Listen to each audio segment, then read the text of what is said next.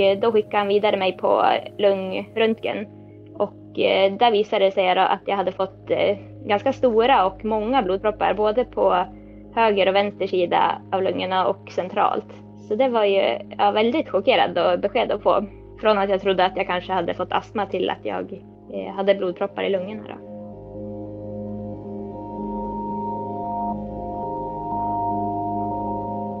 Eh, ja, jag har ju egentligen hela mitt liv tränat utan att ha något mål med träningen egentligen.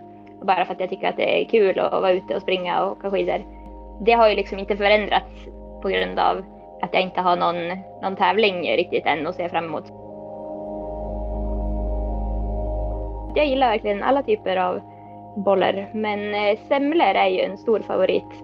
Många är lite skeptiska till brunosten, men den gör sig väldigt bra i bullar faktiskt, för det blir lite kolaaktig smak. Kålaktig smak.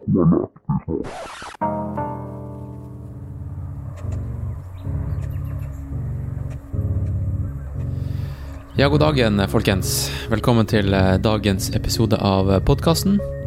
Tusen takk for at du eh, har trykka på play og velger å eh, bruke ja, én time av dagen din på, på det her. Det er faktisk ganske fett. Din tid er dyrebar, og det er jeg veldig klar over. Og ja, tusen takk. Ok, um, jeg skal slutte å tulle. Det du hørte i introen der, det var litt av det som hun jeg og hun Johanna Aastrøm snakka om i, i praten vi hadde forrige uke.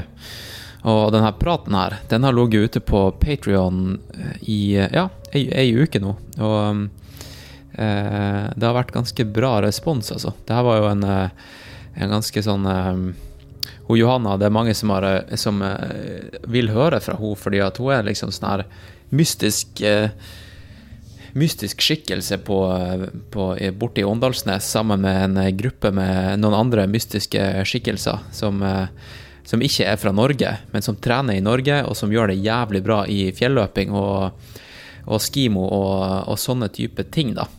Så Johanna, en young gun, kan man vel kalle henne. og hun, for oss nordmenn så er vel kanskje hun mest kjent for å ha kommet og knust banerekorden, eller løyperekorden som det heter, på Tromsø Skyrace i fjor sommer.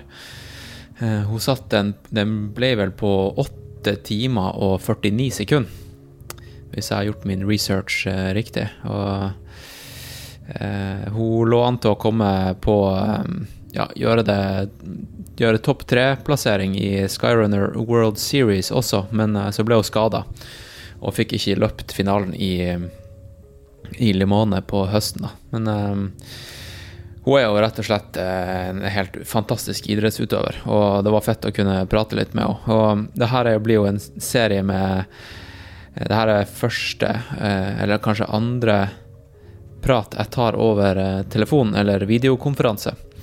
Fordi nå er jo folk og hele verden i, i lockdown, folkens. Nå sitter da masse idrettsutøvere hjemme og koper og har ingenting å gjøre. Og da tenker jeg å ringe litt rundt, rett og slett. Og det er det jeg har eh, kalenderen fullbooka med toppidrettsutøvere som skal prate her. Og eh, da er først ut Johanna Aastrøm rett og slett. Og folkens, denne podkasten her, dere vet jo, dere vet jo at jeg, den her er crowdfunda, og jeg bruker en tjeneste som heter Patrion. Og um, der kan folk chippe inn litt, uh, litt uh, spenn. Uh, og det er et månedlig, et månedlig beløp som blir trukket fra kontoen din.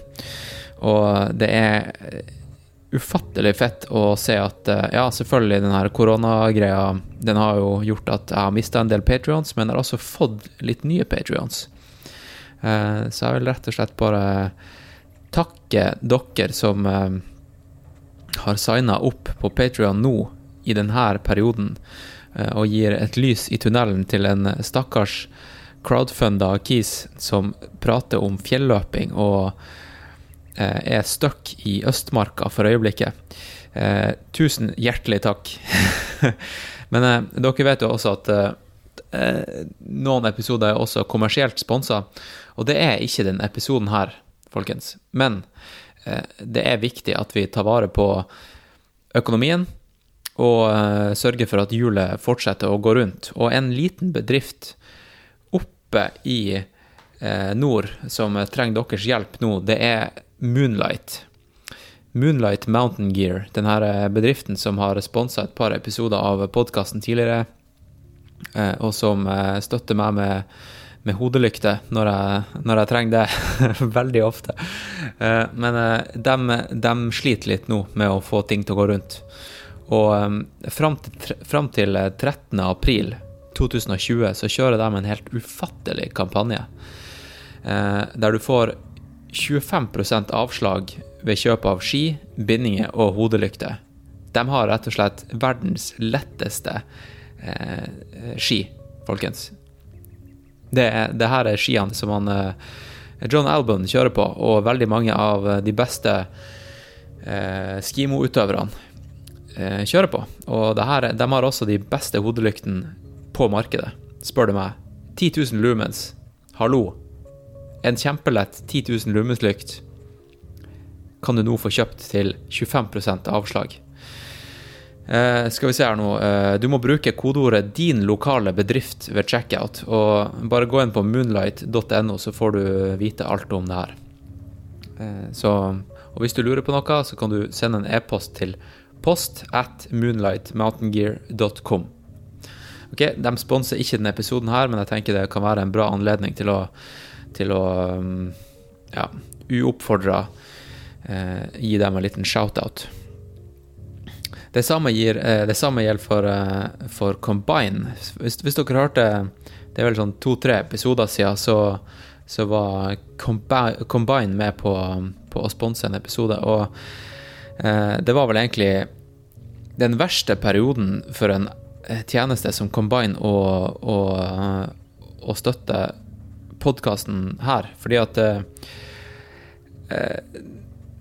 som jeg sa i den eh, episoden, at Combine er jo på en måte en sånn type Spotify for treningssenteret. treningssentre. Du betaler et beløp i måneden på jeg tror det er 790, 90, tror jeg. Så kan du trene på stort sett liksom alle treningssentre i, i, eh, i hvert fall i Oslo-området. Alle typer treningssentre. Yoga, klatring, eh, vanlige treningssenter, whatever. Ikke sant? En ufattelig bra deal. Men nå er jo alt stengt. Og hva gjør Combine da? Jo, selvfølgelig, de får jo ingen inntekter. Eh, med mindre du har glemt å skru av abonnementet. Eh, men eh, det jeg ser nå på combine.no, er at de tilbyr nå gratis frysing av medlemskapet. Så hvis du har signa opp på Combine, så kan du gå inn og så kan du ta og, og fryse det. Så slipper du å bli trukket. Når når det her eh, koronahelvetet er over, så kan du gå inn på Combine, du kan laste ned appen, og så, og så kan du bruke kodeord ned 'NEDA' med store bokstaver, så får du 50% avslag. OK? Da var det sagt. Shout-out til Combine, shout-out til Moonlight, shout-out til alle som støtter den podkasten her på patrion.com. Og vet du hva, shout-out til alle som var på, um, på Besatt-premieren på, um, på, YouTube på lørdag. Um, vet du hva, jeg må prate litt om, om uh, Besatt og, og, hele greia på, i utroen, fordi nå begynner introen å bli litt for lang. ok? Da skal du få lov til å høre på intervjuet med ho, Johanna, og så snakkes vi etterpå. OK? Uh, god, god lyttings, folkens. God lyttings. Hello, this is another one. Another one, baby. Welcome to Now Is It Alvor uh, with Hans Christian and friends. We're going to be the best podcast that you ever did here, and we're going to thrill you, we're going to teach you, we're going to entertain you. Like Britney Spears once said, there are those of us who observe and those of us who are en- here to entertain. And we're here to entertain you, bitch.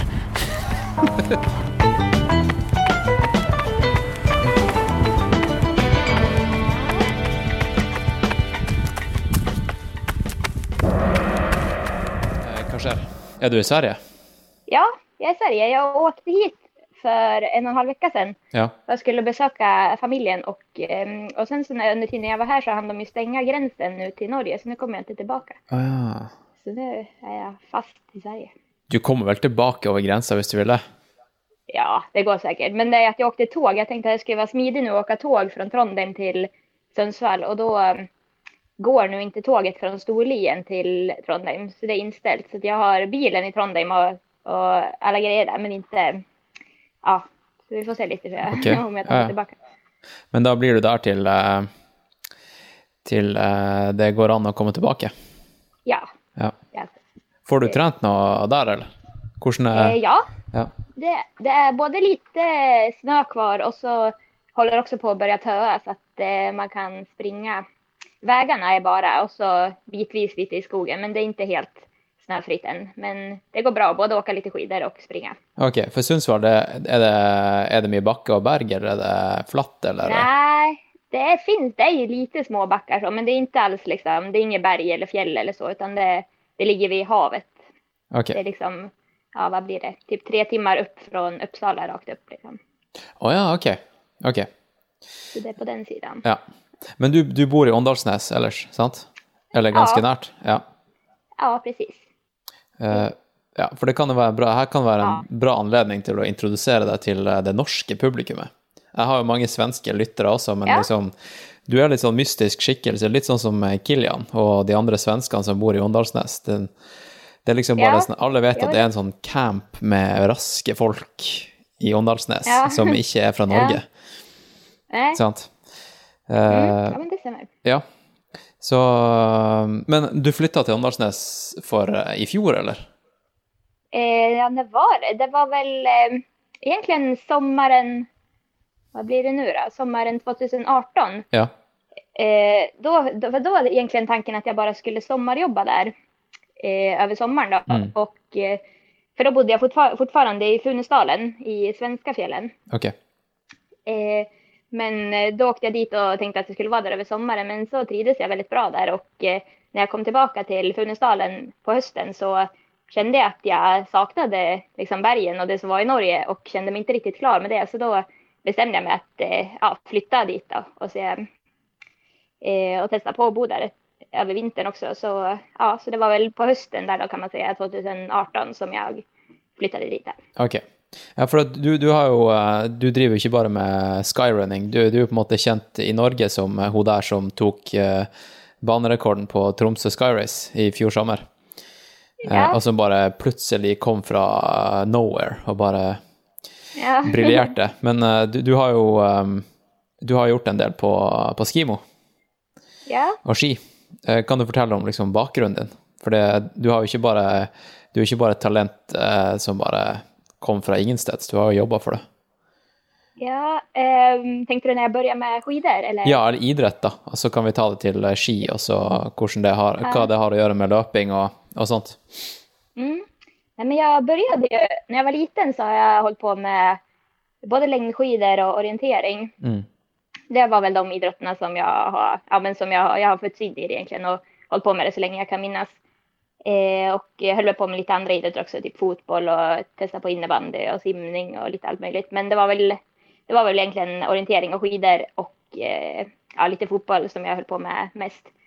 Eh, men eh, ja, så det höll jag väl. Jag tävlade i längdskidor tills jag var typ 12, 13 kanske. Och okay. så orientering höll jag på med tills jag var kanske 18, 19. Men right. det var inte, var inte på någon liksom seriös nivå. Så jag har, har väl inte varit särskilt bra på någon av sporterna. Jag är inte så bra på att läsa kartan när jag ska orientera och ja, hade väl inte så... Ja, men jag tyckte, tyckte det var kul att träna och springa och så, men har inte varit så himla... Eh, att jag inte tyckte, det har inte varit liksom tävlandet som jag har verkligen brunnit för, utan det har varit mer tror jag runt om att være vara på träning och vara med kompisar och lite så.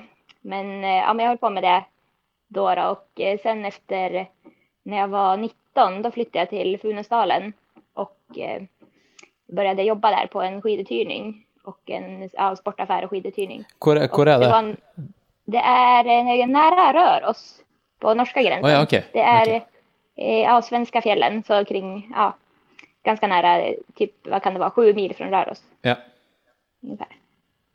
Eh, ja, men så då flyttade jag dit och där vart det att jag började åka mer ja, med längdskidor och så började jag springa på sommaren i, i fjället. Och ja, då var det liksom, tidigare hade jag bara sprungit liksom i skogen och, och så, så, att, så det var lite nytt för mig att springa på fjället. Mm. Men eh, var någonting som jag fastnade för verkligen och tyckte att det var väldigt kul och härligt. Och, ja. Så första tiden där så tävlade jag ingenting, utan då var det bara mest bara att jag tränade och ja, var ute på fjället och åkte längdskidor och ja. Eh, och sen eh, var det väl eh, typ, när kan det ha varit, vintern 2017 kanske. Mm. Då blev jag introducerad för eh, randonnéskidor. Och eh, ja, tyckte att det såg roligt ut och eh, tänkte att det, hade, skulle vara kul att testa på. Så då hit, kom jag för ett par begagnade sådana skidor som jag kjøpte. köpte och eh, tränade lite för mig själv då bara i, i slalombackarna typ i, ja, i fjällen där, där jag Ja. bodde. Ja. Eh, och ehm, ja, men tyckte att det var jättekul och så följde jag med några som skulle på en eh, randotävling och det var i Romsdalen, i eh, Romsdal Rando. Okej. Eh, och eh, så följde jag med på den och ehm, tänkte jag att jag först skulle gå i eh, motionsklassen. Tyckte jag att jag skulle göra. Men de jag åkte med tyckte att jag skulle gå tävlingsklass och det ville jag ju. Jag vart ju då, det var ju, då skulle ju Emelie Forsberg var med og Kilian og Ida og det var alle de der duktige, og så kommer jeg som var helt nybegynner, liksom. Mm, mm. Eh, så ja, da var man litt nervøs da når man skulle stå på startlinjen med dem. Det skjønner jeg Eh, og den tävlingen gikk eh, jättedåligt. Jeg, var, hadde, jag, jag ingen koll alls på greiene. Eller på, liksom, det var jo typ første, første eh, tävlingen der. Men jeg syntes det var veldig kul. og ja, det gikk jo som sagt ikke bra. Jeg kom vel sikkert en timme bakom de andre og Mm. holdt typ på plocka ner tävlingen när jag kom i mål. Ungefär. men eh, även det var roligt tyckte jag. Så här. Och sen så vart jag... Sen hörde faktiskt Ida av sig då på hösten eh, när var det? Ja, men hösten 2017. För då hade hon väl eh, ja, men sett att jag höll på lite. Jag kände ju inte dem då när jag var där på vintern och tävlade. Mm. Eh, men då hörde hon av sig där på hösten och eh, hade väl sett att eh, jag höll på att tävla lite och sprang och sådär. Och så sa hon att eh, de skulle på läger med svenska landslaget Ja. till Frankrike. Och så hörde hon om jag ville följa med och då så tänkte jag att det skulle ju vara jätteroligt och, och lärorikt att följa med dem. For å lære av de Att, eh, beste, liksom. Vad sa du nu? Lære av de beste. Ja, verkligen. Mm, mm. Så eh, ja, men då tog jag tillfället i akt och följde med där på, till Frankrike och eh, tyckte det var väldigt roligt och lärorikt och ja, så det var lite så jag halkade in på Gimo. All right. Så hva, hva er det du, eh, hva du prioriterer mest, da? Nå? Eh, det er vel løpning, egentlig. det, for det har som alltid funnits i mitt liv mer eller mindre. Ja. Even om jeg har egnet meg åt orientering og längdskidor mycket så är, har det varit egentligen löpningen i de sporterna som jag har egentligen tyckt varit roligast. Egentligen. Mm. Så ja. Ok, og så da har det på en måte bare balla på seg, da? Fram til eh, eh, altså fjorårets sesong, 2018, Ja. i skyrunning. For det var jo Ja, da du liksom bare kom som en kanon, ikke sant? Ja, for jeg har jo tävlat lite, men det har jo vært lite mindre tävlingar, typ sådana motbackelöp i Norge og lite i Sverige, lite så här mindre lopp bara. Ja. Men det var vel nå i sommer som jeg begynte å springe litt mer seriøst, egentlig. Men hva gjorde du, liksom? eh, Hva var det som gjorde at du, du gjorde det såpass bra i fjor? I fjor, da, Eh, først?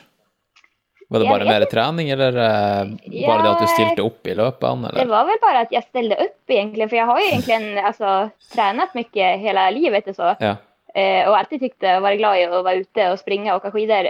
Eh, og sen så har jeg jo vært liksom litt Jeg har jo kjent til denne här serien og hørt talas om den. Men eh, det har vel aldri vært riktig at jeg har, eh, ja men, Jeg jag har vel ikke sett meg riktig som en, altså, en så. Eller jeg vet ikke, jeg var bara tyckt att det har varit kul att träna så. Så har inte liksom, det är ju först nu på senare år som jag liksom insett att man kan ju tävla i det här också och mm. så.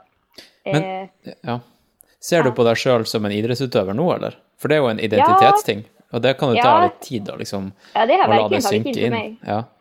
Eh, Så det er vel først nå, kanskje det her seneste året, som jeg har virkelig kunnet si at jeg er en idretter. For tidligere har det mer vært noe jeg har bare gjort eh, på sidan om allt Mm. annat känns det som. Men nu är ju, jag har insett att det är ju verkligen det här jag brinner för och det är det här jag vill göra liksom. Mm. Så att det är väl, ja men det senaste året har jag kanske sett mig själv lite som en idrottare mer. Ja.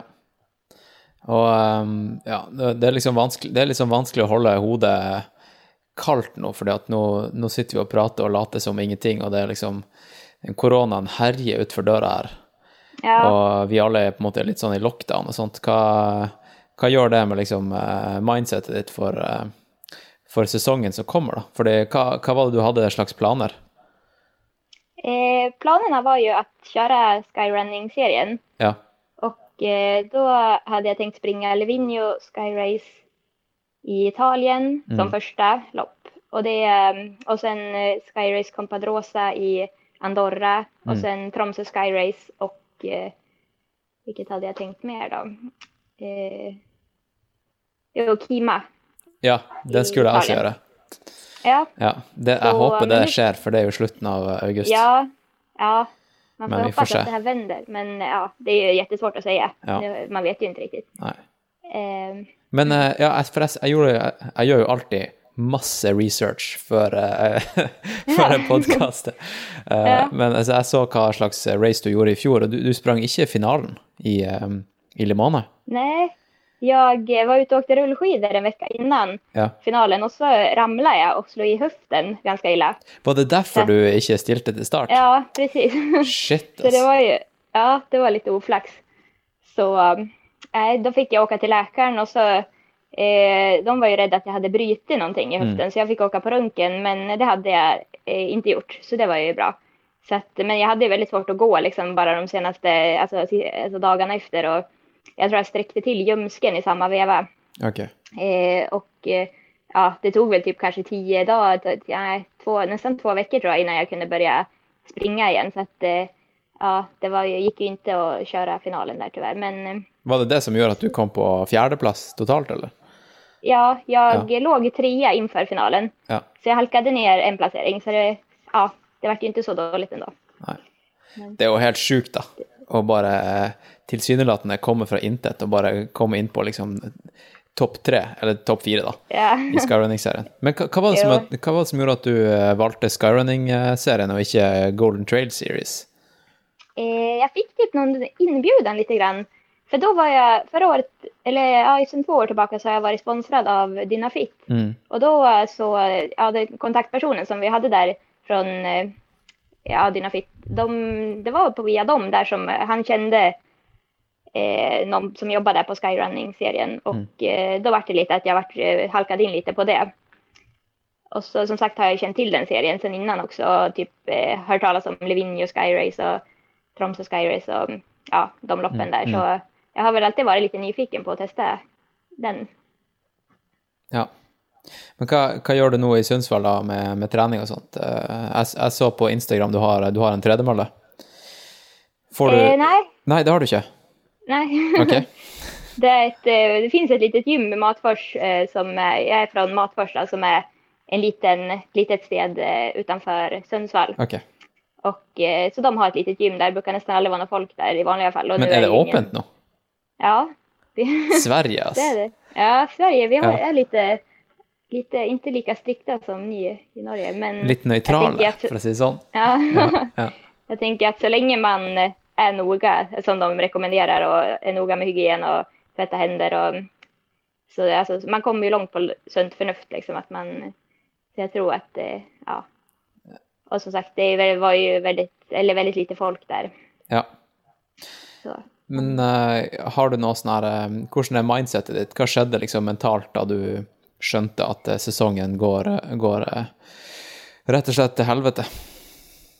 Ehm, ja, jag vet inte. Alltså, jag tror att man, eh, det, man får sitta lugnt i båten och se vad som händer. Och, eh, eh, ja, jag, jag har ju egentligen hela mitt liv tränat utan att ha något mål med träningen egentligen.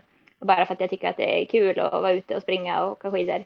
Eh, och eh, tänker att eh, ja, eh, det har ju liksom inte förändrats på grund av att jag inte har någon, någon tävling riktigt än att se fram emot. Så att, eh, jag tänker att det är ju ja, lika kul att, att träna för det. Och så får man väl se det här som en period att lägga in en god dos med grundträning Ja, inte sant. inför kommande, Mm.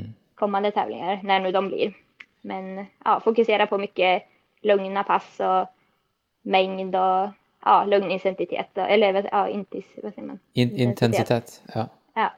Eh, och bygga lite styrka och ja, man får försöka göra sig förberedd inför kommande bravader. Mm. Hvis du skulle valgt et sted å være eh, på en måte innestengt med korona, er det der du er nå, eller er det i Åndalsnes? Nej, det är nog Åndalsnäs kanske Ja. egentligen. För att eh, ja, man blir ju lite begränsad här ändå. Eller man har ju, ja, det är ju inte riktigt de här miljöerna som jag tävlar i. Eh, det går ju bra liksom att springa och så här, men jeg jag saknar og backar och fjällen. Är. Mm. Men det er jo litt sånn eh, eller litt scary med å liksom utsette seg sjøl for en type eh, risiko om å være i fjellet, da. Noe som eh, Noe som eh, sykehusene egentlig burde prioriteres for dem som er syke. Ja, jo precis. Man må nå være ekstra forsiktig nå om man skal ut så at man ikke ja, Ja, og hvis man blir ekstra forsiktig, så er liksom Da blir, da blir man liksom eh, Da er man egentlig ut, utsatt for større risiko, fordi da, Ja. da, da, tenker du ekstra mye på å være forsiktig hele tida, ikke sant? jo presis. Ja, det er sant. Men har du, har du noe sånn her eh, eh, alternativ til race, da? Har du noe type prosjekter du har lyst til å gjøre i fjellet, eller eh, noe sånt? Jeg jag har ikke tenkt så mye på det, men, eh, men jag tycker det är kul också med typ så här personlig utveckling och se hur man eh, eh, ja, men utvecklas eh, med träningen man gör och se att man förbättras och blir starkare och snabbare och att man kanske får fokusera på det nu ett tag. Att eh, ja, hitta grejer som man vill bli bättre på liksom. Mm. Hvor, hvor eh, metric er du? Noterer du ned? Skriver du dagbok? Eh, Eh, ja, jag skriver träningsdagbok. ja. Ja. Men jag skriver ingen planering. Alltså, jag har vel ungefär en tanke i huvudet eh, typ några dagar framöver vad jag tänker att jag ska göra. Men det är inte så att jag planerar långt i förväg. Utan jag går mycket på känsla och hur kroppen känns och sådär. Mm. Har du noen sånn stor svakhet? Du vet at liksom, hvis, du, hvis du jobber med den ene tingen, så kan du liksom ta steget enda altså opp, opp på pallen i Skyrunning-serien. Vad sa du nu? Har du, sånn, har du en svakhet du, du vet om, som du vet at du liksom kan eh, jobbe med nå under den perioden her, som gjør at uh, når du faktisk får Når det kommer liksom til uh, Når løpskalenderen åpner opp igjen, at du har et sånn type hemmelig våpen? Hva du har tenkt å jobbe med, liksom? Ja, jeg tror det finnes ganske mye liksom, å forbedre. Type, eh, at det eh, blir liksom, eh, ja, men, ännu starkare uppför och även utför tror jeg man kan. Der kan jeg nå trene mye på at eh, ja, bli lite bättre utför Ja. på att springa och eh, ja, men bli, ja, stärka upp eh, liksom, muskler och, och lite allt möjligt. Mm. Så, All right. Um, ok, hva med, hva med gjærbakst? Fortell om, uh, om din uh, passion med Ja. gjærbakst. jeg vet ikke, jeg har alltid likt å bake. Og alltid, mamma er hemkunskapslärare. Så hun hon har alltid hållit på å baka mycket och laga mat och så här. Och vi har alltid fått vara med sedan man var liten. Och eh, jag vet inte, jag tycker att det, det är kul med, jag gillar bullar sär- särskilt att baka. Ja, ja. Att eh, stå och knåda deg och Jeg kan høre litt papir i eh, bakgrunnen her. Har du, har du, har du gjort eh, hjemmeleksa di? Skjønner, skjønner, skjønner du hva jeg mener? Ja. Har du gjort hjemmeleksa? Resept. Ja, resepten. Har du med deg? Er det det, Ja. er det, det papiret jeg hører? Ja. ja, for jeg ba deg om å ta Ja, med en eh, kill, killer oppskrift til uh, din favorittbolle. Uh, hva, hva, slags, hva slags bolle er det som er favoritten? da? Alltså jag vet inte, det, det var en ganska svår liksom, fråga ändå. För att jag gillar verkligen alla typer av bollar. Men eh, semlor är ju en stor favorit. Ok, hva er, For å eh, bare introdusere semler til, til nordmenn, hva er, hva er Ja. en semle? Ni har ju nästan det. Ni har ju fastelavnsbollen. Ja. Så det är ju ungefär som en sån. Fast istället, ni har väl sylt och vad har ni där i sylt? Ja, vi har krem og, og Krem. syltetøy. Ja, precis. Ja. Men ist- istället för syltetøy så har i Sverige har vi mandelmassa. All right. Som, eh, Sverige har skjønt det, ja. Ja. ja, verkligen. Ja, men det är, det är riktigt gott det faktiskt. En riktigt härligt fluffig kardemummabulle och så har man den der mandelmassan i. Och så... Men er mandelmassen Eh, som en type eh, søt mandelmasse, eller en Ja. sånn eh, type mandelsmør? Sånn Nei, det er søt mandelmasse. Så da bruker jeg egen og da bruker jeg rosta mandlene i stekpanna innan med litt sånn havsalt. Och så mikser man det med litt Bruker jeg ha farinsocker. Och så lite vaniljesukker. Og så mikser man det til og lite typ, eh, lite vätska måste man ha, lite mjölk eller noe sånt der, så for å spede ut det lite. Ja. Og så mikser man det bare, så det blir som en herlig det blir litt samme konsistens som mandelsmør. typ. Eh, ja, Og så har man det da i, gröper ur og så stopper man i det og så legger man på krem ovanpå. Det er godt, det. Nice. Jeg så en, eh, jeg så en bolle på Instagrammen din. Det var Jeg tror du, du på en måte Først hadde du rulla ut en eh, sånn typisk bolledeig, og så hadde du Ja. bringebær. Det er vel hallon på svensk. Ja, det er også, godt. og så hadde du eh, brunost. Ja, oppå der. det er også en favoritt. Ja, Det har jeg aldri sett før, men det, det må jeg jo prøve. ja nu, den, hadde jeg, den hadde jeg, glemt bort nå for et tag, men den, den er jo riktig god den også, med brunost. Ja. Ja. Og da hadde jeg også sånn mandelmassa på. Eh, først man, först eh, bolledegen då och sen eh, mandelmassa. så sen brunost og hallon. Og så, ja, den kombinasjonen det kan jeg rekommendere. Dæven. Mange er litt skeptiske til brunosten, men den gjør seg veldig bra i bøller, faktisk. For det blir litt kålaktig smak. Ja, ha, har dere brunost i Sverige, eller? Eh, ja, på vissa affærer tror jeg det går å kjøpe. Den, Men er det eh, liksom norsk brunost, eller er det svensk brunost? Ja, nei, det er norsk där Ja, okay. Ja. Så på vissa utvalgte butikker tror jeg det finns. Ok, så det er, ingen, det, er, det er ingen tradisjon for brunost i, i Sverige? Nej, jag tror inte, jag har inte sett det. Vi har ju mest smör i Sverige, Jeg vet vad det är. Det är som smält brunost lite, det är som eh, prim. Ja, som prim, ja. Ja, precis. Så det är väldigt populärt i Sverige, mest smör som man har på brödskiva. Men eh, just det, här, det har jag inte sett tror jag, som man hyvlar. Så det er någonting eh, som ni har gjort bra i Norge tycker jeg. Er det liksom din, din sånn killer recovery-oppskrift? Er, det- er det bolle er det, er det bolle det går i når du kommer hjem fra en langtur i fjellet? Ja, det er jo verkligen en favoritt med om man har baka boller da, og så kommer hjem til det. Ja. det ja hva, men eh, sånn, kommer du til å være i Sverige over eh, altså helt, helt til uh, grensa blir eh, opphørt, eller? Jeg vet ikke. Jeg hørte at det skulle komme nye regler på torsdag tror jeg. den 26 mars. Eh, så da får vi se litt om de har lätta på reglerna. Men annars så är väl planen kanske att försöka ta sig igenom på något sätt. Jag tror att det kan gå bra eftersom att jag har ett norskt arbetsintyg. Jag är fortfarande skriven i Sverige men jag, har ett, eh, jag jobbar lite i Norge så att jag har ju liksom norskt arbetsintyg och då tror jag att det kanske kan gå. Men det är ju det att jag inte kommer över, för om tåget är inställt. Ja. Men Eh, eh, så, ja, hva, hva er jobben din i Norge, da? Eh, jag jobbar lite extra på, en, på ett café och eh, på en sportaffär All right. i Åndalsnäs. Får du, får du bakt noe på den kafeen, eller? Ja, där får jag baka lite bollar också. Jag bakade semlor där förra året faktiskt, så det, eh, det hade de inte hört talas om där heller, men det har varit ganske ganska populärt faktiskt. Men eh, hva, hvor langt uh, unna tror du vi er liksom i sporten for at du skal kunne, som liksom type topp tre-kandidat i Skyrunning-serien, skal kunne leve av det? Ja, jeg kan vel egentlig gjøre det om jeg vil nå, tror jeg. men jeg syns att det er litt kul å jobbe litt på sidan om bare for å ha noe mer også å gjøre. Mm.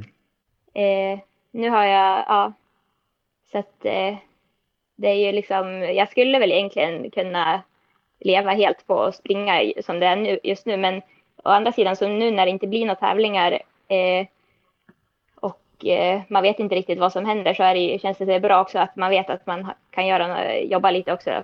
Ja. Just för att det, det är ju en lite osäker bransch. for Man vet ju inte om man blir sjuk eller skadad eller Nei, ikke sant. Liksom. Fordi inntekten som, som en fjelløper og, og skimoutøver, er det, er det liksom inntekt fra, fra race, eller er det fra sponsorer? Um, ja, det blir ju mycket för, för lopp som man gör, men eh, ja, men även lite på, på takk vare sponsorer også. Mm. Men eh, ja, det største for meg har vært varit hittills eh, ändå eh, lopp som han har sprunget. Mm. Og da er, da er du ganske sånn skjør da, hvis du blir skada, eller eh, Jo, precis. Så da tenker jeg at det alltid alltid bra å ha noen liten backup-plan, att veta at man kan få jobba litt og sådär också. mm. Och så lite tycker jag det är skönt eh, rent mentalt også å ha lite, att inte bara tänka träning utan man tänker att det är lite, blir lite skön av, avkoppling att eh, vara på jobbet och bara, Møte litt folk, ja. rett og slett. Ja. Ja. Du, apropos eh, skade. Hva, hva skjedde med lungene dine, egentlig? Kan du fortelle, kan du fortelle historien? Ja, det var ju nu i desember december så var vi på landslagsläger med skimolaget Mm. i Frankrike. Och hadde hade varit där i tre veckor i eh, Ting i franska alperna. Och eh, på sista träningspasset som jag skulle göra så skulle jag köra intervaller. Och så när jag värmer upp så börjar jag känna hur pulsen stiger jättehögt och jag blir jätteandfådd och trots att jag går jättelugnt. Och tänkte ju liksom att det var ju konstigt.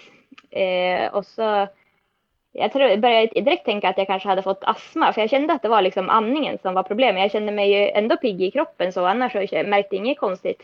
Så, så jag tänkte ju liksom kanske att jag hade liksom, ja, att det var någon astma, astma på gång eller Mm. något sånt. Men ja, så eh, kände jag prövade ju köra något intervalldrag men kände ju att det är någonting som inte stämmer så då åkte jag tillbaka till lägenheten och så skulle vi dagen efter skulle vi resa vidare till första världscupen eh, i, eh, som också var i Frankrike fast på ett annat ställe. Okay. Och eh, då testade jag också att gå, vi var ute och gick eh, banan dagen innan och jag också gick väldigt lugnt och det var samma där också att jag kände liksom att eh, pulsen bara stiger och den- jag kan som inte, jag vet inte, det är så svårt att, jag hade aldrig upplevt något sånt tidigare, att det var svårt att andas och ja, fick inte luft riktigt. Eh, så fick jag träffa någon, en fransk doktor där eh, och han lyssnade på lungorna och, och hjärtat och han sa väl att det- så såg bra ut tydligen, att jag hade normal puls i vila. I vila har jag liksom mått bra hela tiden. Det har just varit när jag har ansträngt mig som jag hade känt. Eh, men ja, men så då när jag var där i Frankrike så han sa bara att ja, men det, du kanske bara håller på att bli sjuk eller något sånt liksom att Mm. det för lungorna så bra så. Men och så testade jag värma upp också dagen innan tävlingen, men det är samma att det känns inte bra, så då så står jag över tä- tävlingarna. Eh, och så ja, reste vi hem till Sverige och då hade jag, det var dagen för julafton, eh, då hade jag bokat tid. För det finns, är man medlem i Svenskt idrottsförbund så har, finns det tillgång till en app på telefonen som man kan prata med liksom, läkare på telefonen. Fan, Sverige, då, ass. Det, alt alltid så mye Ja. bedre for idrottsutövare Ja. i Sverige. Ja. Ja. Ja. men det var faktiskt väldigt bra. Så då fick jag prata med en läkare på telefonen där och beskrev liksom mina symptom och tänkte ju att ja, hon kommer väl säga att jag har astma och ska åka in och kolla det. Men då så nämnde hon där att eh, det kunde vara blodpropp i lungan sa hon. Och då var det helt så här, det hade ikke inte jag en tan- tanke på att det hade kunnat vara något sånt. Mm. Så bara där var det ju lite chock. Men jag tänkte ju liksom att nej men det har inte jag för att jag Ja, mår ju så bra. Att, ja, Ja, du ikke att- 80 år gammel, liksom. Du skal ikke ha Nej, blodpropp. precis. Så da tenkte jag att nej, men det är det inte. Men hon sa ju att eh, nej, men åk in till sjukhuset för att eh, då kan du i så fall utesluta det. Att det inte är det och, och, se, och så, sen gå vidare på kanske att och ifall det skulle vara astma eller något sånt. Mm. Så då så eh, tog jag det ändå på allvar där och tänkte att det är bra att åka in även om det kändes lite så här. Det var dagen innan julafton och liksom, det kändes lite ja, ja men får vi in. Och så träffade jag läkare på sjukhuset och eh, gjorde lite undersökningar och det var samma där också. De första undersökningarna vi gjorde tydde inte på någonting utan jag hade ju som en normal puls och eh, lungorna, det var liksom inget rossel i lungorna eller så. Men så gjorde vi något EKG och det var väl på det de såg att det var någonting som avvek från det normala. Och eh, då skickade han vidare mig på lungröntgen. Och eh, där visade det sig att jag hade fått eh, ganska stora och många blodproppar både på höger och vänster sida av lungorna och centralt. Shit. Så det var ju ja, väldigt chockerad och besked att få. Från att jag trodde att jag kanske hade fått astma till att jag eh, hade blodproppar i lungorna. Då. Det hadde vært større sannsynlighet for at du hadde hatt astma hvis du var norsk, ikke sant? Ja, Da hadde det vært eh, ja. Ja. da hadde du hatt astma. men, eh, men hva Altså, hva Skal vi se her, bare vent litt. Uh, hva hva gjorde du da, da? Eller hva, hva gjorde legene? Hva, hva, var liksom prosedyren etter at du hadde fått påvist eh, blodpropp i, i lungene? For det er jo helt ja, sjukt. Ja, du er, du er 24 ja, år gammel, sant? Ja, precis. Ja. Eh, nei, men først tenkte jeg jo at, nå skoier jeg jo, tenkte jeg, men det jeg, gjorde jeg jo ikke. Eh, så da ble jeg liksom bare, men det var så svårt å ta inn, for, at, for jeg har jo hele tiden mått veldig bra når jeg har vært i normal tilstand. Da har jeg ikke merket av ting. Så at når jeg lå der på sjukhussängen så kjente jeg meg precis som vanlig. og bare liksom, det var lite svårt att ta in i början, men då var jag ju inlagd på sjukhuset och eh, skulle börja medicineras på en gång. Så jag fick någon sån dos. Eh, jag har fått äta blodförtunnande nu fram tills, ja, jag ska fortsätta äta det i några månader till. Eh, men ja, så fick jag ju det då och låg kvar på sjukhuset där och eh, ja, men då var det lite ändå mycket så tankar som snurrade. Att jag, jag, jag, visste liksom inte hur allvarligt det här var. Alltså, kommer jag kunna springa igen eller kommer jag... Eh, ja, jeg visste liksom ingenting riktig. Ja, ja, for det må ha vært et sjokk? Ja, mm. verkligen. Men så ja, fikk jeg jo prate med en läkare der sen og så beskrev man jo liksom at det, man blir jo frisk med blodpropp og eh, ofta man kan leve ofta precis som vanligt när man får medicin och har tagit den ett tag så då kommer ju blodpropparna sakta men säkert lösas upp. Eh, och man kan göra liksom, ja man mår precis som vanligt egentligen. Men ja. jag visste inte riktigt vad det innebar för mig som är van att liksom träna flera timmar per dag. Man är inte riktigt som en, en vanlig människa. Så, eh, men eh, ja, de sa väl att det var viktigt att eh, ta det lugnt i början och, eh, och sen eh, får man ju se hur snabbt man svarar på liksom, medicinen och eh, ja, fortsätta jobba utifrån det. Då. Ja, och var, är du nu då? I sån typ, har du tagit ny har du, vært på nye undersøkelser? Hvordan føles det i kroppen, og er blodproppen borte, eller holder, holder du det i sjakk? Eh, nei, nå er blodproppen borte. borta. Mm. Og eh, jeg har, eh, ja, kommer jeg har ätit medisin i tre måneder, og så skal jeg fortsette i tre måneder til. Og det gjør man mest egentlig for forebyggende syfte. Mm. Eh, och eh, ja, nei, men jeg har som hatt en, et åter, eller samtale med läkaren. Och då är det ju, man går ju mycket på hur man mår och när man mår, mår man bra så då brukar det liksom, då är det, är det bra. De gör inga, man brukar inte göra fler röntgen eller så, utan de, de ska, tack vare medicinen så löser de upp sig av sig själv liksom. Okej. Okay. Ja. Den her koronagreia, det er jo uh, kanskje en uh, gudegave for deg at du liksom fikk uh, sesongen kansellert, så får du et år til ja. å, å trene. ja. Men eh, du, du, har ikke hørt noe om at du er i farezonen for korona? Nei, jeg hørte liksom... med min lege om jeg er det, men det er tydeligvis två helt ulike eh, greier. At eh, det skal ikke være ja, Nei, det skal ikke ha noen påverkan sånn. Nei.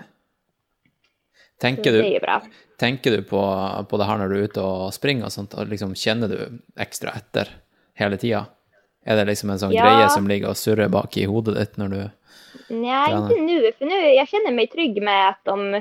Eh, för, för om man, jag märker man skulle, som jag märkte i Frankrike där så märkte jag så tydligt att det var någonting som inte var som det ska. Och nu har det ju inte, nu har det inte känts så på hela vintern egentligen. Liksom. Eh, så jag känner mig ändå trygg i att läkarna säger att det, för när jag tar medicinen så blodpropparna kan inte, de kan inte bli fler eller större eller det kan inte bli något värre utan det enda som kommer ske är att de kommer liksom lossna.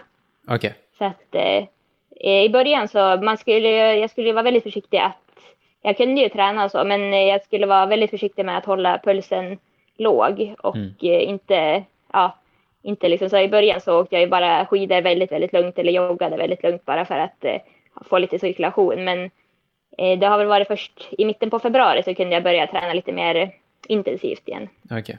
Det är kanske en god idé att bara bruka de månaderna här till att liksom träna superlav intensitet och bygge ja. base, som du sier, da. Ja, det tror jeg. Det kan ikke skade. Du, har, har, du vurdert uh, noe annet enn skyrunning og fjelløping? Har du vurdert liksom uh, lang, lengre ultra eller uh, asfaltløping eller noe sånt? Mm, ja, just nu så kjenner jeg meg mer sugen på skyrunning og kanskje ikke de her superlange distansene. Eh, jeg skal kjøre Tromsø Skyrace og Kima og de er jo litt over 50 kilometer så jeg kjenner at det kanskje rekker just nu. Men sikkert i fremtiden så skulle det være kul å prøve på noe litt lenger også.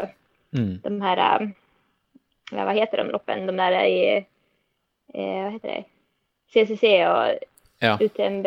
Ja, Men det kjenner jeg, jeg. jeg hadde jo der eh, Emily Haagud på podkasten for et par episoder Ja. siden. Og hun er jo ett et, eller to år eldre enn deg. Ja. Eller like gammel, jeg husker ikke. Eh, Ja, ja, precis. Hun, ja. ja. Og hun eh, Hun springer jo sånn eh, ja, Hun skal jo springe UTMB til sommeren. Jaha, Nei, men okay. det, det, det blir jo kansellert, selvfølgelig. Ja, men det var, det, ja. var planen hennes. ja. Og jeg skulle jo springe ultratrail uh, Mount Fuji, ikke sant? Ja, 100, 100 miles, men det skjer jo ikke. Nei, just det. Men uh, ja. Det får bli neste år. Men annars så tycker jag ju, det finns ju många lopp i Norge också tycker jag som är väldigt roliga och fina. Eh, og så gillar jag ju, jag tycker motbackelöp är väldigt kul så att eh, det lär säkert bli något sånt om det nu blir något lopp där, det får vi se. Men eh, eh, ja, just asfalt är jag inte så, eh, det är inget som lockar just nu riktigt. Nei. Eh, Hva, hva har vært eh, favorittløpet ditt hittil? Mm. Ja, Tromsø tyckte jag var väldigt fint. Jag tyckte det var en rolig en variation, en rolig variation. Ja. Att man får både liksom, ja, men tre rejäla stigningar men också väldigt fin löpning däremellan också. Och eh, den tyckte jag. Och så, ja, men det är nog favoriten hittills. Var det Kan du fortelle litt om det, om selve racet, da? Den eh, løpsdagen. Var det liksom en sånn her type dag der alt bare gikk eh, dritbra, eller hadde du Måtte du eh, kjempe litt? Var liksom baks... Du vet den siste, siste gangen du skal opp på Tromsdalstind, på baksida der. All, alle snakker jo om at den liksom er en sånn Den kan drepe sjela. ja. jo, neimen Hva syns, hva syns du om det? jeg holder med at den var nå kanskje den tøffeste biten på hele banen när man skulle upp där och eh, precis då innan fick jag veta, för jag hade inte någon aning om vart tvåan var på hela loppet, för jag hade inte sett någon på hela banan där. Men då så var det någon kille som sa där att hon ved vid vätskestationen så var tvåan var tre minuter bakom. Så da ble jeg litt lite og tenkte oi, da då är hon kapp meg snart. Så jeg forsøkte försökte å brenne på der oppe på backen og det altså, tok tog i benen virkelig på slutten. Der, og når man skulle opp liksom i snøen der som var liksom precis innan toppen og man skulle typ bak og det var Ja. så da var det, men jeg forsøkte verkligen å trykke på der, og det var jo ja da var jeg trøtt, liksom. Eh, men annars så tyckte jeg at jeg hadde en veldig bra dag der, og kunne kunde liksom, ja, men det, det, kroppen svarade bra där så det var, ja, det var väldigt roligt. Mm. Hvem var det som kom på andre og tredje? Det var Holly Page på andre og Hillary Ja, Girardi, precis. eller var det motsatt? Uh, nej, Holly var tvåa och Hillary trea. Ok. Ok. Eh, Trener du noen eh, Hvordan trener du mot sånne typer løp? Har du eh, noen kjempelange eh, turer, eller eh, er du mer sånn at du venter med den lange turen til selve racet? Eh, men jag brukar nog inte springa så, alltså jag springer ju aldrig liksom fem mil på träning. Nej. Det har jag nog aldrig gjort. Men eh, jag kan ju gärna vara ute liksom ganska länge. Men eh, då, blir, då springer man ju inte alls i tävlingsfart så man kanske inte hinner lika långt. Men, eh, och sen tänker jag ju också att typ sådana lite kortare tävlingar blir ju också lite mer träning inför de här långa loppen också. Ja. Om man springer ett eh, typ på kanske tre mil så blir det en bra träningspass innenfor de lange loppene også. ja, for jeg møtte deg jo i, eh, i Zermatt. Husker du det? Ja, Og da, det, ja. da sprang du eh, Matterhorn Extreme-løpet. Og så var, det, var det samme dag, eller var det dagen etter at du stilte opp i et sånn her eh, Var det 30K-løp? Nei, var det 10 kilometer? Nei, det var noe eller var det? to mil kanskje? To mil, ja. Var det samme Ja. dag? Nei, det var dagen etter. Det var dagen etter, da. Ja. Ja, men det så jeg litt ikke som riktig tävling utan det var litt mer bara, eh, ja, når jeg ändå gick ett lopp til, så tenkte jeg at det kan jo være kul å springe det liksom litt, og ikke se det som tävling utan mer bare være med og ja, Men du vant vel? Nei, i fjället. Nej, tvåa tror jeg ble. Ja. Ja. ja. Same, same. Ja. Ja. Nei eh, jeg, har ikke, jeg har ikke masse spørsmål til deg, Johanna, men eh, eh, jeg tror det, det her blir sikkert en av veldig mange sånne her type eh, videokonferanse, Skype eh, Nå bruker vi Whereby, da, men eh, jeg kommer nok til å ta, ta og ringe mange, mange Skyrunners og idrettsutøvere og bare spørre, spørre hva er det som skjer nå, liksom hva ja. eh, For jeg vet det er mange som mister motivasjon helt totalt når det ikke er noen race i horisonten. Ja. Og som bare eh, legger opp, liksom. Og nå, i dag ble, jo, i dag ble jo OL eh, ja, jeg så det. utsatt til 2021. Ja, ja, verkligen. Ja. Ja, det blir eh, en konstig situasjon ennå. At man, man kjennes veldig det innenfor framtiden. Kjenner du noen som eh, skulle eh, konkurrert i OL, eller? Eller OS, som det heter. Eh, Nei, det gjør jeg vel ikke. Nei. Ingen jag känner. Jeg tror jeg. Men eh, det förstår jag verkligen, att, för där är typ idrottare och så som verkligen, eh, ja, men, ja, allt jobb de har gjort, liksom, säkert sedan ett år tillbaka, har varit liksom för eh, precis de där dagarna som OL går. Och så att, eh, ja. Får, får, du, får du noe oppfølging av eh, svenske idrettsforbundet? Som du sier, du hadde Eh. den appen, men eh, det, det, er vel, det er jo ikke noe lands... Ja, du er på landslaget i skimo, men eh, Ja, når det kommer precis. til Så det er tack være det som vi får tilgang til det. For annars på løpning och så har, vi, har jeg ikke liksom något, eh, der har man ingen sted fra den svenske Svenska idrottsförbundet. Nei, kanskje hvis du hadde vært på ultraløpelandslag? Ja, precis. Ja. For det, det kunne du jo vært. Ja. Mm. Er det noe sånt i år? Nei, eller? Nei, det, det er neste år. Det, de, okay. de tok et uh, hvileår. De, det var akkurat som at de kunne se at koronaen kom, og så bare Ja, tok de et pauseår. Men det, det de skal gjøre, da, er å ta uh, Jeg tror de skulle slå sammen et par forbund, og så skulle de, i stedet for å ha ett race, så skal de ha alle typer terrengløp på en uke, litt sånn festival, da.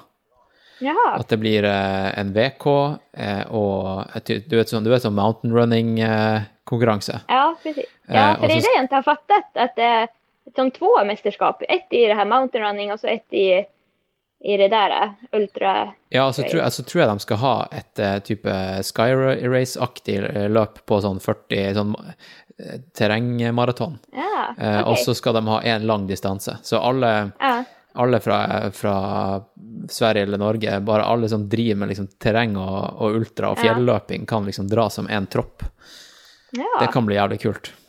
Ja, det er kult. For För det sakner man litt på sommeren, ändå med at, man, at det ikke er som et riktigt lag eller så man har. Utan man reser ofta kanske mer, alltså, om man, mer att man reser med sitt eh, sponsormärke kanske eller så. Men man reser inte för dit med sitt land liksom. Riktigt. Nei, sant? Ja. Det hade varit kul. Ja. Nei, altså, du får bare, du får bare holde deg gående eh, på Ja. den tredemølla di. Men du får fortsatt ja. lov å være ute i naturen, og alt, alt går som normalt, Ja. egentlig. Ja.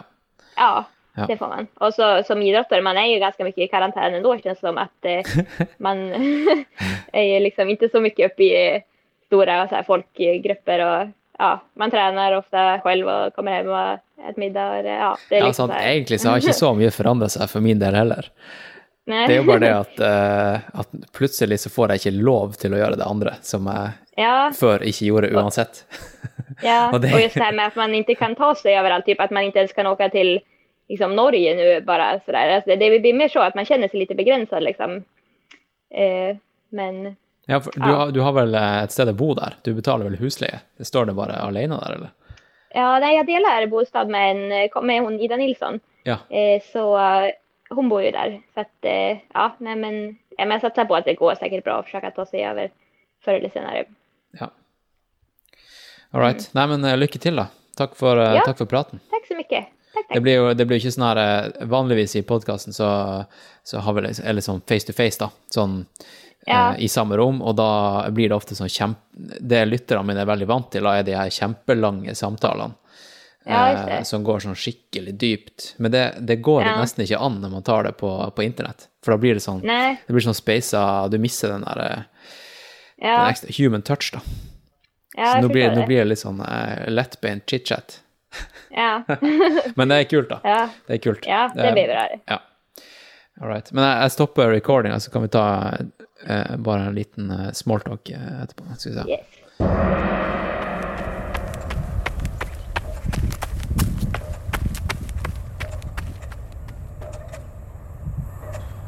All right, folkens. Det var dagens episode med ho Johanna Åstrøm. Det var nok ikke siste gang dere hører henne her i podkasten, kan jeg si. Kan jeg si. Um, Ja, jeg sa jo det i, eh, i, i introen at eh, jeg skulle snakke litt om eh, Besatt i utroen. Og som, som mange av dere fikk med dere, så, så kjørte vi en, en livestream av Besatt med Q&A før og etter selve visninga. Og det var litt sånn teknisk svikt, det tar jeg på min kappe. Eh, vi kjørte jo en sånn type videokonferanse med han Johannes, Patrick og Marius eh, og meg. Og eh, det viste seg da at det var bare mikrofonen min som ble kringkasta. Og det er jo ikke helt ideelt. Så det vi, det vi kom på å gjøre, da, var jo å ta at jeg ringte opp alle de her tre på, på Messenger, og så satt jeg på høyttaler på telefonen min. Og så la jeg telefonen min med mikrofonen med Mac-en, og så kunne folk høre det vi snakka om. Ikke akkurat uh, eh, hifi-kvalitet, men uh, det funka i hvert fall. Så får, vi, så får, jeg ta og gjøre litt uh, hjemmelekse til neste gang, fordi jeg tror ikke det ble siste gang vi kjører en type livestream med, på YouTube. Uh, og nå sitter jeg og han Marius og uh, gjør noen tweaks på Besatt før, før jeg laster opp uh, selve filmen på YouTube. Og ja, den her Besatt blir tilgjengelig på YouTube. Den, jeg legger den ut i løpet av dagen eller morgendagen, folkens. Så det er bare å gå inn på Nå har jeg oppretta en egen YouTube-kanal for Skyblazers, så det er bare å, å gå inn på, på, YouTube, søk på Besatt, eventuelt bare trykk på linken i, i, i shownotes her på, på, på podkastappen din. Eller vet du hva, jeg tror, jeg tror, jeg kommer til å bombardere sosiale medier med en link, så eh, du trenger ikke å løfte en finger for å få tak i en link, ok? Eh, Besatt er offisielt tilgjengelig på YouTube, og den er tilgjengelig eh, i Ja, når jeg har publisert den podkasten her, så er den eh, tilgjengelig. Eh, og Eh, noe annet vi gjorde på, på denne livestreamen, da, det var å eh, gi folk muligheten til å vippse et beløp, et valgfritt beløp, til, eh, eh til oss skaperne av Besatt. Og eh, det jeg sa da, var at denne, eh, alle, alle donasjoner kommer til å gå øremerka til produksjon av en ny dokumentarfilm eller et eller annet i, i, den duren som vi gjorde med Besatt. Og jeg kan, jeg kan eh, meddele at eh, vi dro inn nesten 10 000 spenn, folkens, på denne ene kvelden der vi viste Besatt. besatt. Og um, jeg visste ikke helt hva jeg skulle gjøre. Telefonen min var bombardert av sånn nesten 100, 100 notifications på VIPS det er jo helt sjukt. Og det, det jeg gjorde da, eh, dagen etterpå, det var å opprette en egen bankkonto til Skyblazers og eh, legge alle enkeltbeløp som jeg fikk eh, vippsa inn, inn på den kontoen her. Eh, og vi må vel ha et type styremøte straks for å finne ut hva skal vi gjøre med, med pengene. Eh, fordi det er så mange prosjekter som er i, eh, i tankene akkurat nå. og for eksempel, da. Eh, flyktningruta. Den her 100 eh, km lange stien som går fra Østmarka til, eh, til Sverige. Som ble brukt under krigen for å, for å smugle, si, smugle jøder ut av, av landet til, til nøytrale Sverige. Den er jo da en sti, ikke sant? Og det hadde vært fett å lage en dokumentarfilm på, på å sette en FKT der. Og det fete er jo at eh, ca. tre fjerdedeler ut i, på den stien der, så må man eh, svømme eller komme seg over et langt, et stort vann.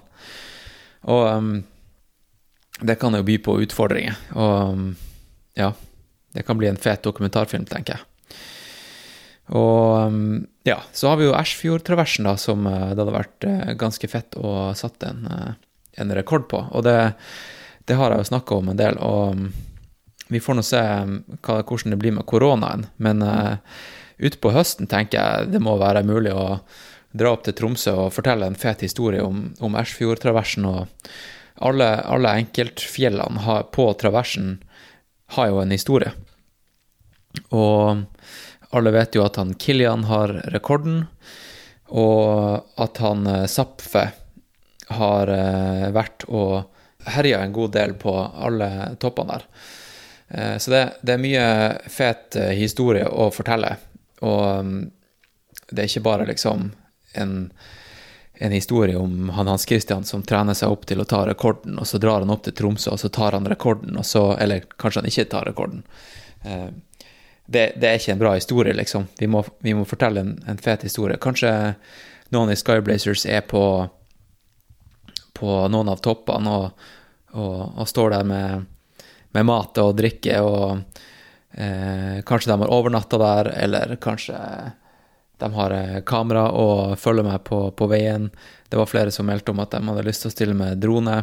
Det er jo noe av det feteste landskapet vi har i landet, folkens. Og Ersfjordtraversen dominerer hele bildet fra når du, når du, er i Tromsø. Du kan ikke unngå å se hele Ersfjordtraversen. Eh, jeg merker jeg blir, jeg blir våt i munnen av å snakke om det her. Litt, eh, litt samme måte som da, da jeg og Johanna snakka om, eh, om boller i stad. Ok. Det er nå bare noen av prosjektene. F.eks. det å ta Everest på, i Grefsenkollen, springe opp og ned Grefsenkollen i, i, like mange ganger, sånn at man Eller sånn at man samler like mange høydemeter som Everest er høy. Hvor lang tid bruker man på det? Jeg tror man kan klare å gjøre det på under 24 timer. Og det hadde blitt en fet eh, dokumentarfilm. Noen snakka om å løpe eh, den her eh, stien fra Oslo til Trondheim. Eh, noen snakker om eh, Oslo-Bergen det er så mange fete stier der ute, og så mange fete prosjekter som vi kan lage kult innhold fra. Og eh, denne Skyblazers YouTube-kontoen tenker jeg da å eh, berike med ikke bare sånne her type eh, høykvalitetsdokumentarfilmer, men også litt sånn behind the scenes, kanskje portrett, portretter av løperne i, i gruppa. Eh, følge dem en uke, f.eks., eller en eh, type, en type, klassisk treningsdag. Og ja, prøve å dokumentere stilløperkulturen og miljøet i Oslo, for det er ganske, det er ganske unikt, altså. Det er mange fete karakterer, det er mange som, som brenner for det de driver med, og eh, det som er så fett med, med, med den gruppa Skyblazers, da, eller i hvert fall det som skjer på stirsdag, stirsdager, er jo at det eneste vi har til felles, det er at vi liker å løpe på sti. Alt det andre, hva folk gjør i hverdagen, eh, hvilken jobb de har, det er liksom Det er totalt forskjellig. Noen er rørleggere, noen jobber i reklamebransjen, noen eh, eh jobber i Helly Hansen, liksom. Det er whatever. Det, det, er mye man kan snakke om. Så Uh, mye snacks på Skyblazers uh, YouTube. Mye fett i vente, og uh, Ja. Jeg vet ikke. Det, alt det her, det, det, kunne ikke skjedd hvis ikke jeg hadde hatt en sånn her type Hva man kaller det? Kan man kalle det en jobb med, med podkasten og hele pakka, der jeg er crowdfunda og ikke har en A4-jobb, ikke sant? Folkens, nå skal jeg ut på stien, nå skal jeg ut og springe, og så skal jeg ta og legge fra meg mikrofonen nå, og så klipper jeg sammen eh, podkasten etterpå, og så eh, publiserer jeg. Og eh, jeg håper det her har vært, eh, vært bra, bra, underholdning til deg nå i, i koronatider. Og kanskje du, kanskje du har hørt på den her etter koronatideren. Kanskje du har hørt på denne episoden i 2053. Hvem vet? Hvem vet? Jeg skal nå i hvert fall ut og nyte stien litt. En politisk korrekt løpetur med, med enkeltmannspakke i baklomma, og ikke, og ikke ta stien for langt eh, inn i Østmarka. Og ikke, på, ikke, ikke på veldig teknisk eh, underlag. Rett og slett for å, for å minimere skaderisiko og skåne helsevesenet, for de trenger ikke meg på operasjonsbenken. Ok? Vi snakkes da, folkens. Over og ut. Ja, jeg kan. Da sier jeg over og ut. Eh, Roger Knut. Roger Kid.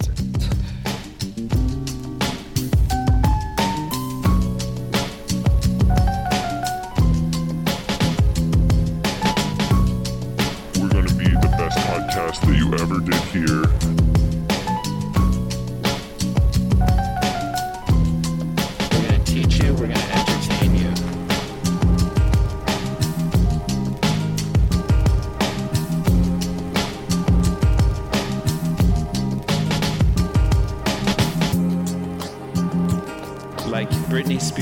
Said, this and I wanted something different too. And I listened to a lot of like Selena Gomez, and um, I just think her vibe was like really, really cool and moody and sexy. So I wanted to kind of play into that a little bit. So Yeah, because it's classic Britney, but with a bit of a progression, I guess. Because the music is very different now to when you Yeah. first launched. It's not just pop band.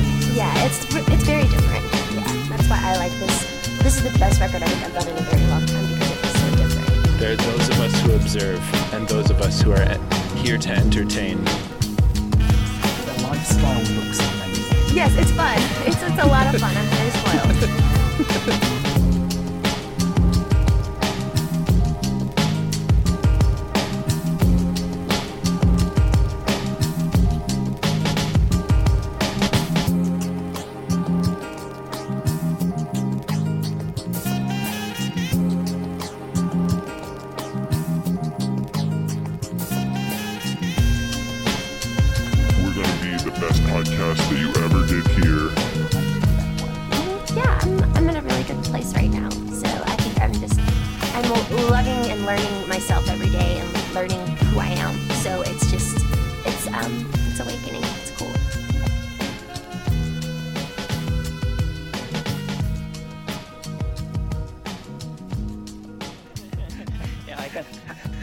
sier jeg over og ut. Ja. Eh, Roger Knut. Roger Kid.